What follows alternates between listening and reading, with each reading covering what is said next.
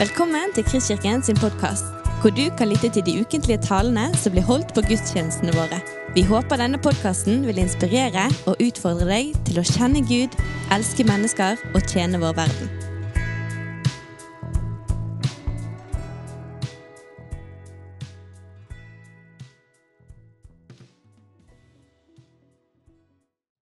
En eh, julidag i fjor, en sommerdag altså, så lå jeg på Bryggen foran nøstet til eh, Tone Lise og Karl Herman Fransen på hytten deres og leste et intervju i Aftenposten med en professor i medisinsk etikk som heter Reidun Førde. Hun er forresten søsteren til Einar Førde, som sikkert en del husker. Eh, og hun sa noe som overrasket meg litt. Hun snakket om mange av de dilemmaene man har stått i som medisiner i koronaperioden i forhold til ikke minst å prioritere sant, hvem skal få vaksinen først. Hvem skal vi bruke mest krefter på å beskytte? Barna, de eldre osv. Det er jo mange sånne vanskelige spørsmål der. Eh, og så sa hun jeg pleier å si at hvis du er ute etter enkle svar, så må du melde deg inn i en religion.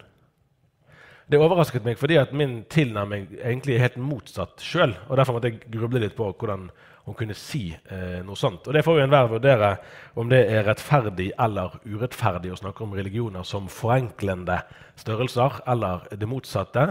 Men det er noe vi kan ta med oss òg i møte med dagens tekst. Det skal vi straks se på. For tro er jo noe vi omgir oss med hele tiden. Det kan dreie seg om eh, ja, tro vi det blir fint vær. Tror vi på et prosjekt på jobben? Eh, barnas utvikling på skole eller på håndballtrening? Det kan dreie seg om utviklingen i konkrete relasjoner. Vi har mer eller mindre tro på en positiv utvikling. Og vi snakker om tro fordi ingen av oss kan vite hva som skjer i morgen. Derfor er troen det beste vi har. I denne sammenhengen er troen basert på en eller annen slags vurdering eller analyse basert på den informasjonen vi har tilgjengelig. Når vi snakker om kristen tro, så er det ikke fullt så enkelt å, eh, å vurdere nivåer av tro eller måle troens styrke. Det kan fort bli veldig personlig. Eh, og I tillegg så lærer vi etter hvert i livet at det slett ikke er noen sånn sikker sammenheng mellom eh, troens styrke og f.eks. volumet i troens uttrykk. Ofte viser det seg at de mer lavmælte de har en mer slitesterk tro en tro som tåler møtet med livets realiteter bedre enn heftig forventningsjag. For det finnes rikelig med argumenter for å tro. Det kreves òg tro for den som vil si at Gud ikke finnes. I vårt kunnskapssamfunn er det veldig viktig at vi arbeider ordentlig med argumentene for tro, sånn at ikke minst unge mennesker får hjelp til å se å forstå at det å leve som kristen og tro på Jesus Kristus ikke innebærer at man må legge bort den kunnskapen som man ellers har om livet og verden. Tvert imot. Likevel kan ikke troen begrenses til en sum av argumenter. Den griper dypere enn det. Den griper inn i mysteriet, inn i det gåtefulle, der både argumentene og ordene kommer til kort der forhåpningen eller tilliten tar over. I dagens tekst møter vi to mennesker som befant seg i særlig krevende livssituasjoner. De måtte vel ha gjort seg opp en eller annen oppfatning om Jesus og at han var verdt å oppsøke, men antagelig var det vel desperasjon vel så mye som eh, logiske analyser som drev dem. Og Når vi snakker om kristen ord, så sier vi gjerne at tro er tillit. Tro er å stole på. Og det er klart at Tilliten kan være større eller mindre. Den er ikke en statisk størrelse. Sånn er det jo òg i vårt forhold til andre mennesker. Vi kan få mer eller mindre tillit til noen. Vi snakker gjerne om det lille barnets tillitsfulle forhold til foreldrene som et kjerneeksempel på den tilliten vi kan ha til Gud, og det er det gode grunner til å gjøre så kan det òg være interessant å se på hvor mye tilliten til foreldrene våre ofte preger oss langt opp i årene, kanskje til og med etter at foreldrene våre er døde. Slett ikke alltid, og i veldig ulik grad, men likevel er det ikke uvanlig å høre godt voksne mennesker fremdeles referere til sine foreldre sin veiledning, som bakgrunn for valg de tar. Det òg sier vel noe om tillit, selv om den er mer opplyst og ikke fullt så umiddelbar som den hos et lite barn. Men alt dette blir jo litt å ligne med teoretiske betraktninger sammenlignet med det ekte dramaet vi møter i Markus-evangeliets femte kapittel. Der blir to historier vevet inn i hverandre, og begge forteller oss noe viktig både om Jesus og om oss. Så vi leser fra vers 21 til 43. Da Jesus var kommet over til den andre siden igjen med båten, samlet det seg en stor folkemengde hos ham. Mens han var nede ved sjøen, kom en av synagogeforstanderne. Han het Jairus. Da han fikk se Jesus, kastet han seg ned for føttene hans og bønnfalt ham. Min lille datter holder på å dø. Kom og legg hendene på henne, så hun kan bli frisk og få leve. Jesus gikk med ham fulgt av en stor folkemengde som trengte seg innpå ham. Det var en kvinne der som hadde hatt blødninger i tolv år. Hun hadde lidd mye hos mange leger. Alt hun eide, hadde hun brukt uten å bli hjulpet. Det var heller blitt verre med henne. Hun hadde fått høre om Jesus og kom nå bakfra i folkemengden og rørte ved kappen hans. For hun tenkte om jeg så bare får røre ved klærne hans, blir jeg frisk. Med en gang stanset blødningen, og hun kjente på kroppen at hun var blitt helbredet for plagen. I det samme merket Jesus at en kraft gikk ut fra ham, og han snudde seg i folkemengden og sa, 'Hvem rørte ved klærne mine?' Disiplene sa, 'Du ser hvordan folk trenger seg innpå deg, og så spør du hvem som rørte ved deg.' Men Jesus så seg omkring for å få øye på den som hadde gjort det. Kvinnen skalv av redsel, for hun visste hva som var skjedd med henne. Og hun kom og kastet seg ned for ham og fortalte ham alt som det var.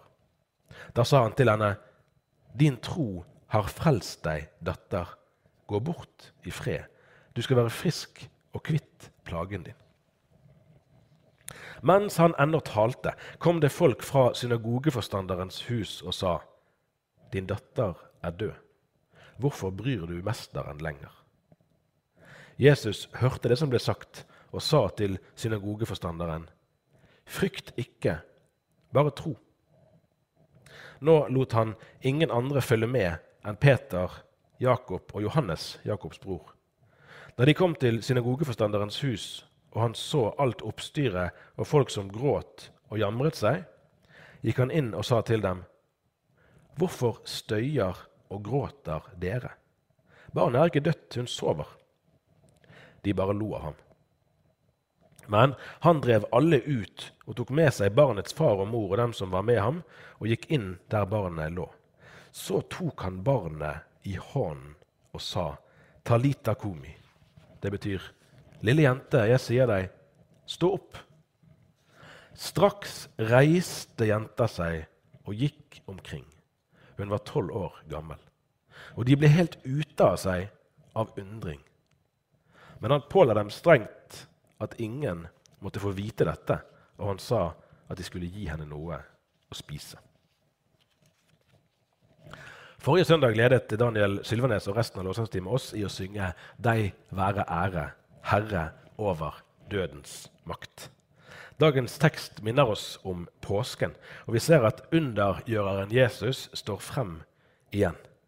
Men Jesus, mens Jesus antagelig var i gang med undervisning om et eller annet, så kommer altså synagogeforstanderen og gir Jesus en rask innføring i hva som er problemet. Og det er dypt alvorlig. Her står det om en tolvåring sitt liv. Vi finner et, et fint uttrykk i teksten når det står at Jesus gikk med ham. Nesten som et eh, ekko av en av de tidligere tekstene fra Markusevangeliet som Margunn Novahaug omtalte her forrige søndag, om Frelseren sover i båten iblant. Han er dog i båten om bord. Det videre forløpet ble antagelig litt annerledes enn synagogeforstanderen hadde håpet på, men Jesus gikk med ham.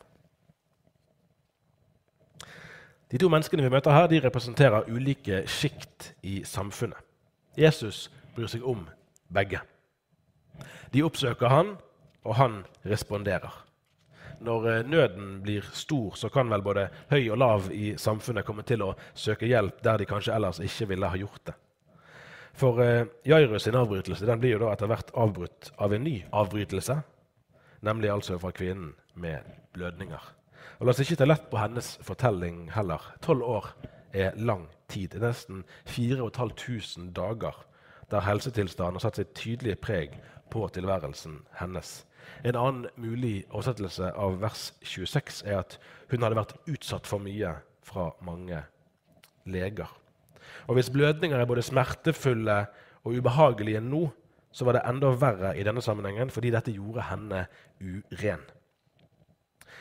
Så Derfor er det ikke spesielt rart at hun først skalv av redsel da Jesus spurte hvem det var som hadde rørt ved klærne hans. For pga. sykdommen som gjorde henne uren, så gjorde hun òg andre uren dersom hun rørte ved dem. Det leser vi om i 3. Mosebok kapittel 15. Det var en stor synd i så fall. Derfor er det med andre ord helt uforståelig at hun var bevende når hun sto frem. Men Jesus hadde ikke refs på lager. Tvert imot er det en nydelig scene vi får beskrevet når han i stedet for å bekrefte eller forsterke hennes utenforskap, anerkjenner troen hennes og setter ord på den frelsen hun nettopp har erfart. For frelse i bibelsk sammenheng har en annen og større betydning enn vi er vant til. Vi tenker gjerne på syndenes forlatelse og evig liv. punktum. Og Frelse betyr naturligvis også det i Bibelen, men ikke bare det. Jesu frelse handler om hele mennesket. Jesu omsorg er ikke begrenset til dette livet, men den er heller ikke begrenset til det hinsidige, til livet etter døden. Derfor gir det mening å si for at vi er frelst, og vi skal bli frelst. Vi har fått syndenes tilgivelse og barnekår hos Gud, men vi har ennå ikke kommet over i det Jesus kalte å, å leve om han enn dør.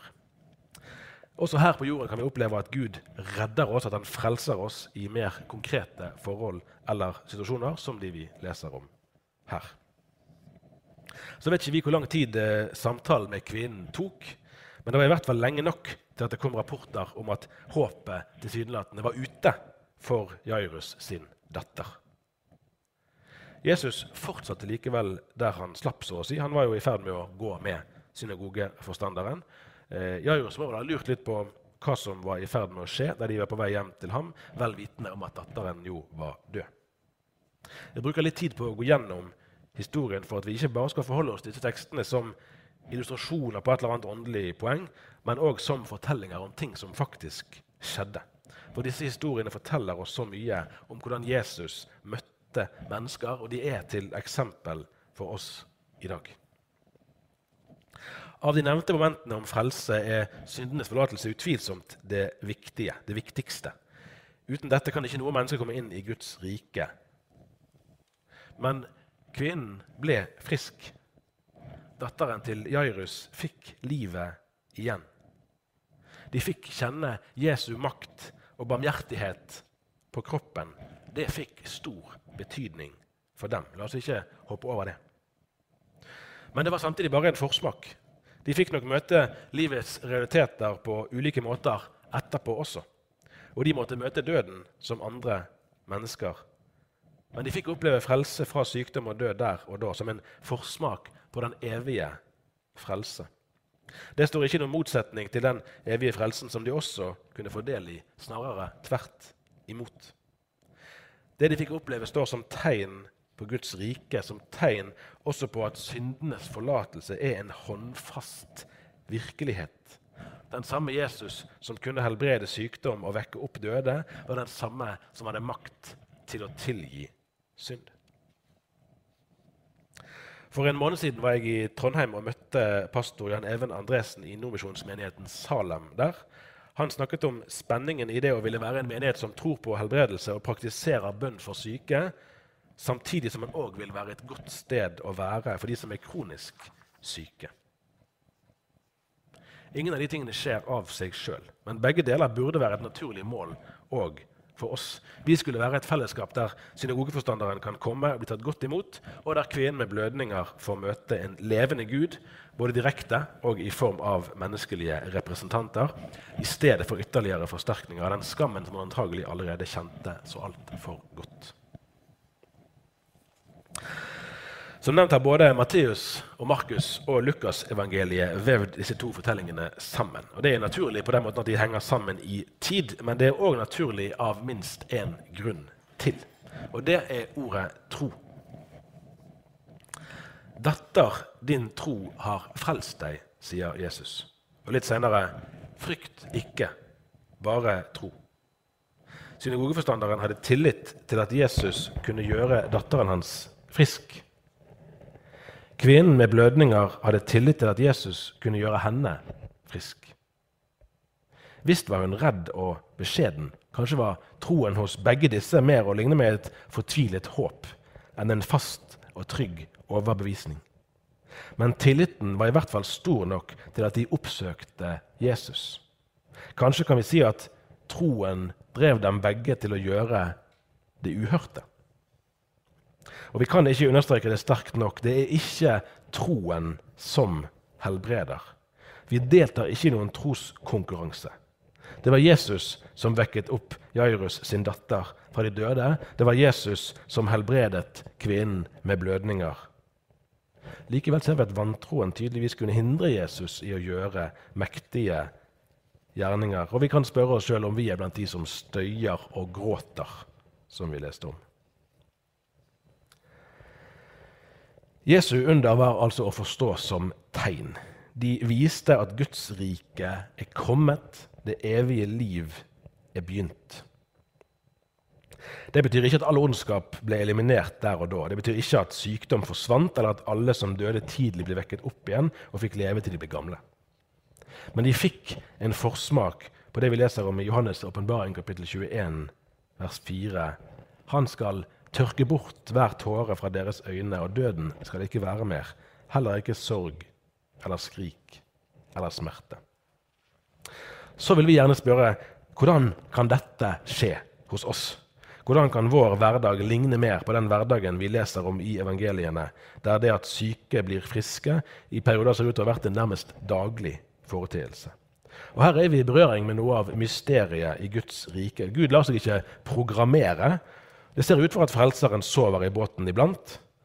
Mange av Bibelens helteskikkelser fikk ikke oppleve realiseringen av forhåpningene de bar med seg, men de hadde fått møte Jesus. Hvordan kan troen bli næret slik at den blir styrket? Det kan skje på mange forskjellige måter. Troen vår kan bli styrket av å høre om andre mennesker sine møter med Gud, helt opplagt. Den kan bli styrket gjennom våre egne erfaringer med Gud. Den blir styrket gjennom å følge de første kristnes trofaste overgivelse til det vi tidligere kalte de fire b-ene, omtalt i Apostles gjerninger 2.42. De holdt seg trofast til apostlenes lære, det som tidligere het Bibelen. Det heter jo det ennå, for så vidt.